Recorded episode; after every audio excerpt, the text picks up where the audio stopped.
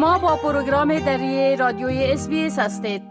حال با جاوید روستاپور خبرنگار برنامه دری رادیوی اس برای جنوب آسیا به تماس هستیم که اونا طبق معمول درباره تازه ترین رویدادها در افغانستان معلومات میتن آقای روستاپور سلام عرض می کنم خب گفتم این که بازداشت فعالان حقوق زن توسط طالبان واکنش های بسیار تند را برانگیخته است. بله؟ با سلام وقت شما بخیر آقای که برای امان گونه که شما اشاره کردین نشست زنان فعال سیاسی مدنی که در منطقه دشت برچی کابل برای اعلام موجودیت یک جنبش زنان افغانستان برای برابری شماری از زنان گردی هم آمده بودند با حضور طالبان بر هم خورد. طالبان ظریفه یعقوبی را همراه با شمار دیگری از زنانی که در جریان محفل اعلام موجودیت این جنبش مدنی جدید اشتراک داشتند بازداشت کردند. منابع آگاه گفتند که شام امروز استخبارات طالبان خواهر ظریف غفاری عارفه یعقوبی و برادر شوهرش را نیز و بانه که شب با خانم یعقوبی باشند با خود بردند. برخی گزارش ها که از آن است که نیروهای طالبان مانع حضور خبرنگاران در این نشست شدند و شمار خبرنگاران که برای پوشش خبری جریان هم حضور یافته بودند یا را با لط کوب کردن و تعدادشان هم با خود بردن که ساعتها در بند استخبارات طالبان بودند. این اقدام طالبان واکنش های بسیار تندی را به همراه داشت. از جمله با نشر یونما با نشر اعلامیه از طالبان خواسته که موازین حقوق بشری را رعایت کنه و گفته که خانمهایی را که بازداشت کرده هر چیز زودتر باید آزادشان کند. فعالان حقوق زن و کاربران شبکه های اجتماعی در واکنش به این بازداشت هم گفتند که عملکرد طالبان در برابر زنان نشان دهنده ترس طالبان از فعالیت های زنان در افغانستان است. این در حالی است که چند روز پیش هم طالبان یک گردیمایی زنان را در پارک شهر نو کابل بر هم زدند و زنان اشتراک کننده در گرد همایی را کتک زدند و اسناد تحصیلیشان که اونا به نمایش گذاشته بودند زنانی که این درس خونده بودند می‌گفتن اسناد تحصیلی داریم ولی کار برشان مساعد نیست. زمین کار این طالبا اسناد تحصیلی از را پاره کردن. همچنان گزارش ها از ولایت های بلخ و بدخشان و بامیان و دیگر ولایت ها از آن است که طالبات خشونت در برابر زنان در این ولایت هم افزایش دادند. بله. خب گفتم میشه که با آمدن فصل سرما و سرد شدن هوا بیماری ها در سراسر افغانستان افزایش یافته و از طرف دیگه مردم به خاطر کمبود دوا شکایت دارن. بله؟ بله دقیقا چیزی که شما گفتین با آمدن فصل سرما یا فرارسیدن فصل سرما بیماری های معمولی در پایتخت و دیگر ولایت افغانستان افزایش یافته.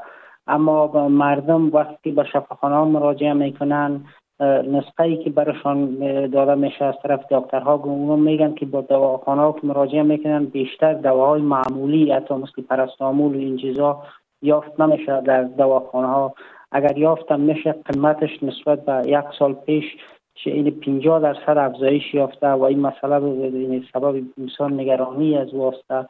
دواخانه داران هم گفتن که در گذشته بیشترین دوا از کشور هند به افغانستان صادر می‌شد و پس از سقوط نظام جمهوریت داد سقوط تجارتی با هند تقریبا فلج شده از جمله دوا کاملا خطر شده وارداتش از این به افغانستان. و این مسئله سبب شده که دوا به افغانستان از یک طرف بسیار باهایش بلند بره و از طرف دیگه هم کمیاب شود.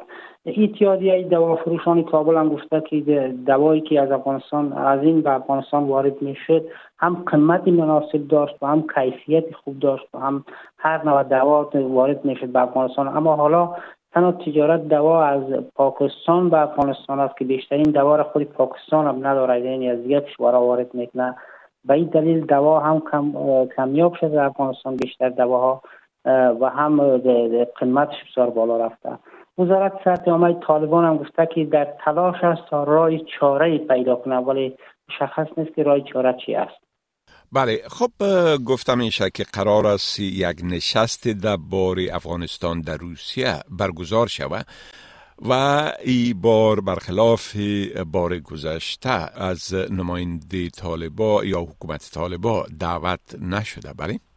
بله دقیقا زمیر کابلوف نماینده ویژه روسیه برای افغانستان گفته که مقامات طالبان در نشست مسکو که در میانه ماه روان میلادی برگزار می شود دعوت نخواهند شد خبرگزاری تاس روسیه گزارش داده که نشست مشورتی فرمت مسکو درباره افغانستان در قرار است به زودی برگزار شود و انتظار می رود که نمایندگان کشورهای روسیه، چین، هند، ایران، پاکستان، قزاقستان، قرغیزستان، تاجیکستان، ترکمنستان، ازبکستان و ازبکستان در این نشست اشتراک کنند.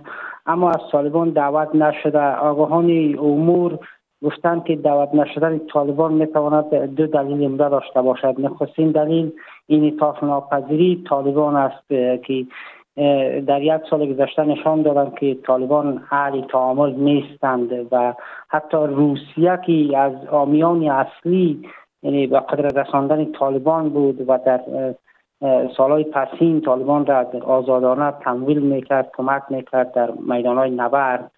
و انتظارم می‌رفت که نخستین کشوری که بعد از پاکستان طالبان را به رسمیت بشناسه روسیه است و حتی در سفارت روسیه نماینده های طالبان سفارت افغانستان در روسیه از طرف طالبان افراد وابسته به طالبان فعالیت می‌کنند ولی به باور آکان دیده شد که طالبان حال تعامل نیستند و به همین دلیل هم اینا را دعوت نکردن. این یک عقب گرد برای طالبان است. و دلیل دوم هم گفتن این است که ممکن است مسکو به این نتیجه رسیده باشد که طالبا با ایالات متحده امریکا در پشت پرده همسو و همجهت است و اعتماد را که مسکو در گذشته و طالبان داد اعتماد را طالبان از دست دادن در نزد روسیه. بله خب بسیار تشکر آقای روستاپور از این معلوماتتان و فعلا شما را به خدا می سپارم و روز خوش برتان آرزو می کنم وقت شما هم خوش خدا حافظ ناصرتان. بپسندید. شریک سازید و نظر دهید. اسپیس دری را در فیسبوک تعقیب کنید.